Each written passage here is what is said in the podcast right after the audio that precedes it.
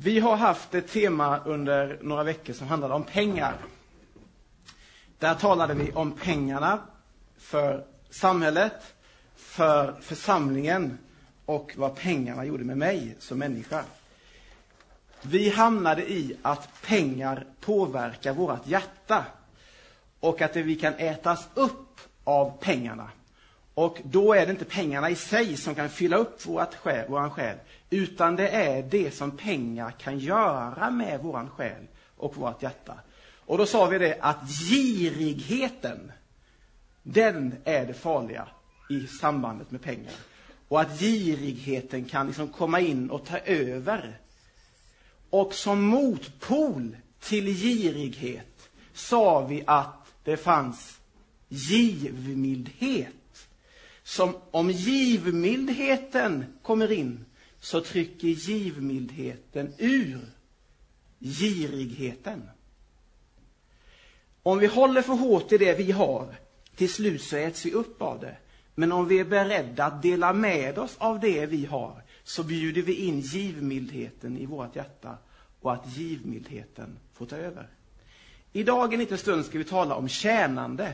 Och tjänande, kan man säga, utifrån den lilla gruppen eller den första församlingen, handlar också om hjärtat.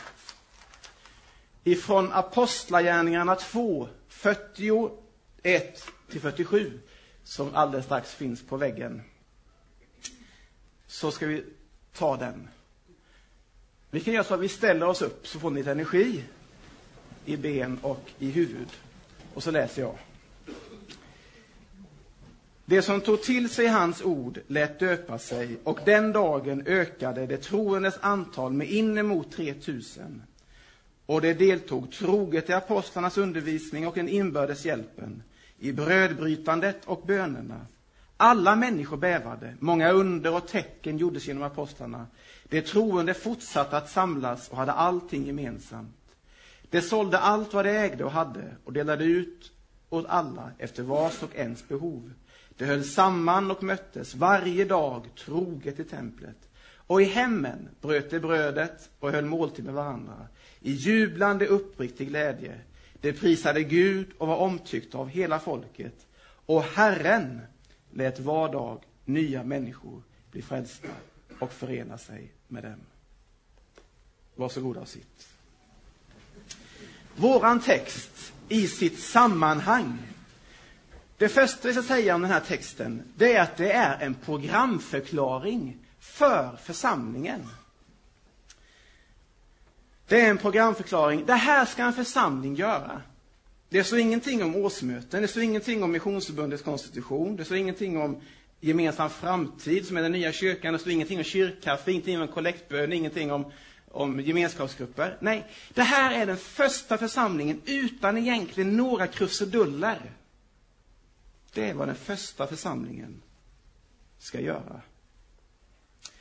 Och i sammanhanget här nu då, kapitel 1 och kapitel 2, så precis i kapitel 1 så är det ju så att lärjungarna som varit 12 är nu 11 eftersom Judas har lämnat dem. De utser en ny till hans efterträdare. Och de ber så här. Herre, du som känner allas hjärtan, Visa oss vilken av dessa båda du har utvalt till denna tjänst, som apostel efter Judas som övergav sin plats för att hamna där han där hemma. Och efter det så drar de lott. Då hördes ett plötsligt, nej förlåt mig, nu var jag inte fel här. Det var Mattias som blev utvald till efterträdare efter, Jesus, efter Judas. De ber, Lottdragningen kommer, de blir tolv stycken. Och sen direkt efter detta så är det som att anden kommer till församlingen. Då hördes plötsligt från himlen ett dån som av en stormvind och det fyllde hela huset där det satt. Anden kom till lärjungarna. Och vad är anden? Jo, när Jesus lämnade jorden så sa han, jag ska sända er en hjälpare, ande, helig ande. Och sen när de var tolv, då kommer anden ner till jorden, till den församlingen. Det fyllde hela huset. Löftet hade blivit uppfyllt. Allt detta hänger tydligt samman med våran text. För efter detta så kommer Petrus och han håller en, ett tal på pingstdagen. Ett sånt här eldigt tal. Petrus var en människa som var intensiv, han var kraftfull, han begick misstag, men han hade säkert en oerhörd kommunikativ förmåga. Så han höll det här talet mitt i staden. Och det träffar rakt i hjärtat på bröderna. Eller på, på några, några människor. Och de frågar, vad ska vi göra för att få del av anden och av Jesus? Vad ska vi göra, frågar de. Petrus svarar, omvänd er och låt er döpas i Jesu Kristi namn så att ni får förlåtelse för era synder. Då får ni heligande.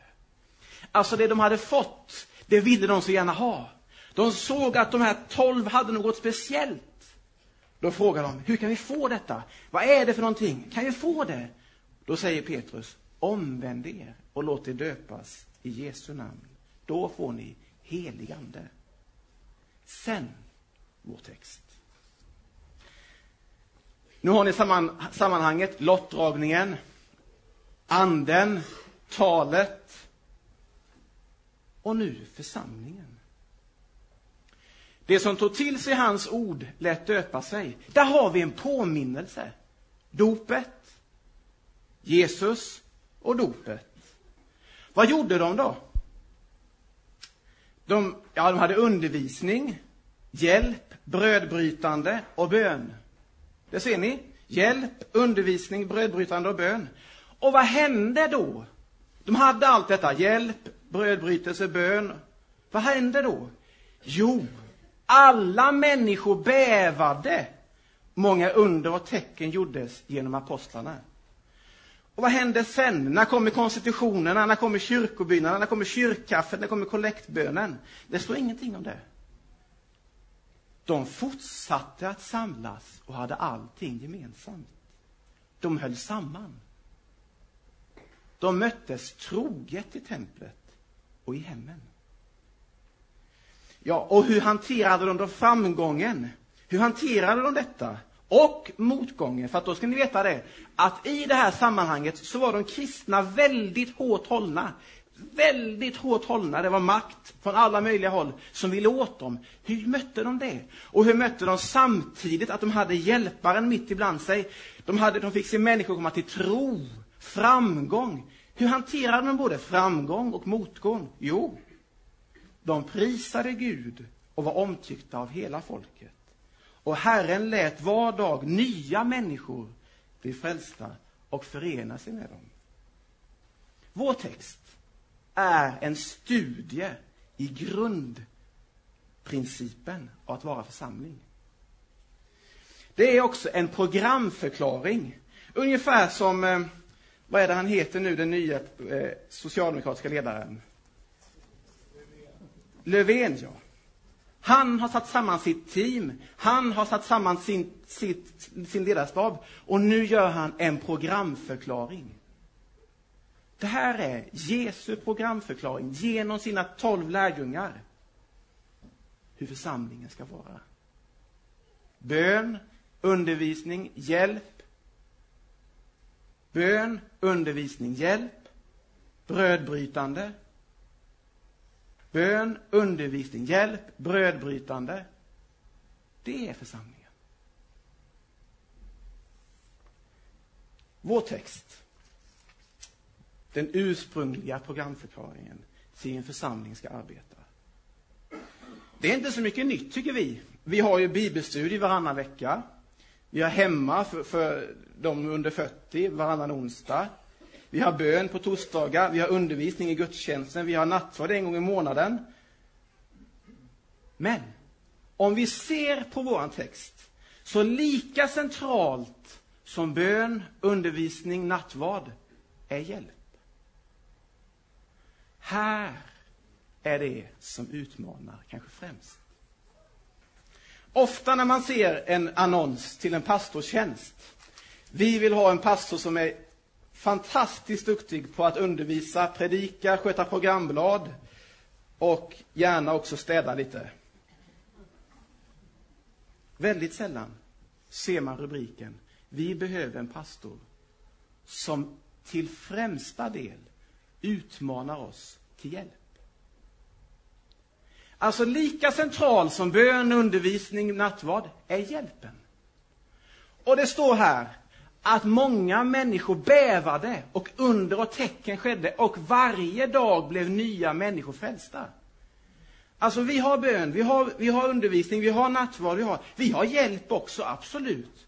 Men lika central i församlingens programförklaring som undervisning och bön är hjälpen. Och om man ska klara av att hjälpa varandra så är det ju svårt att vara ungefär 280 personer.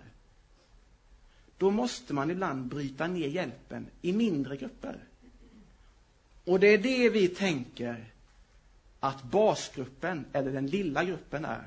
Och nu kommer vi till hjärtat. Ni minns hjärtat med, med givande och pengar och hur farligt det är med girigheten och att givmildheten kan ta över. Och jag tänker att om ett hjärta då, som är mitt hjärta, om det här är mitt hjärta, det är nog inte blått hjärta, det tror jag inte, men eh, det passar ju bra nu när vi har kungafödsel och allt möjligt, prinsessfödsel. Men om det, här, om det här är mitt hjärta, så får jag massa intryck och undervisning. Om jag låter den undervisningen komma in här, men jag låter liksom den komma in här. Jag får väldigt fin undervisning ifrån Leif när han predikar, ifrån John när han predikar, när jag talar med Helna, jag pratar med Torkel, eller pratar med Lisette, eller jag lyssnar på Marie. Jag får jättemycket gott till mitt hjärta. Men jag låter aldrig det gå ut. Och det här hjälpen kommer in, tjänandet, att om jag samtidigt också har ett hjärta som gör medvetet delar med mig av det jag upplever. Och där hjälpen utmanar mig att hjälpa den jag möter. Nu blir det väldigt rörigt där. Det var en ny mick som gjorde detta, säger vi.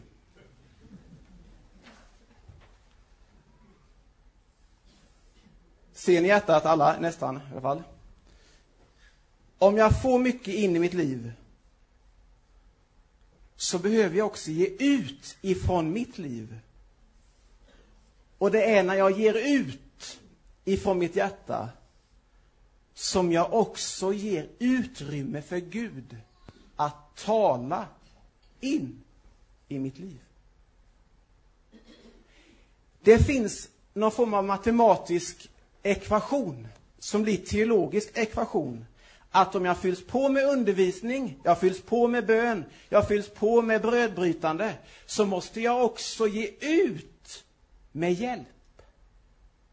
Och när jag ger ut med hjälp och håller mig fri ifrån girighet, då ger jag möjlighet till att Gud att få tala i mitt liv.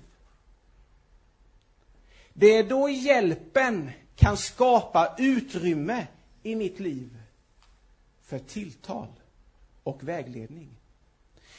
Lite är det så att jag vänder mig bort ifrån mitt eget, eget bästa och frågar Jesus, vägled mig, rör vid mig och visa mig din riktning.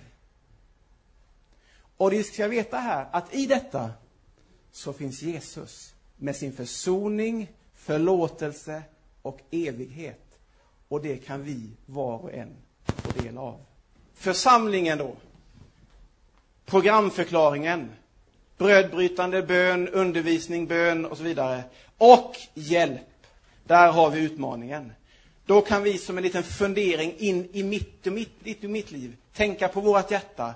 Hur håller vi vårt hjärta öppet för tilltal ifrån Jesus själv? Ger vi ut av det vi fått uppleva? Det är bön. Det är hjälp. Det är det kristna livet.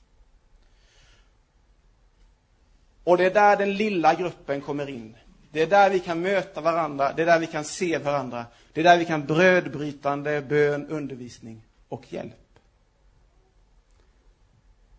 Nu ber vi. Jesus, tack för den här stunden. Tack för att vi får be och att ibland, Herre, så blir det så med ljud. Men nu ber vi dig, kom du heligande. Låt det här bli ett möte med dig, Jesus. Där du utmanar dig och mig. Så att vårt hjärta inte får stagnera. Utan att vårt hjärta fortfarande får lyssna och längta efter tilltal ifrån dig. Kom du heligande. Och Herre, du som ser till var och en av oss, du ser våra hjärtan. En del av våra hjärtan är fyllda av vårt eget. Och en del av våra hjärtan behöver lämna plats för tilltal ifrån dig. Jesus, jag ber dig, kom du heligande. Amen.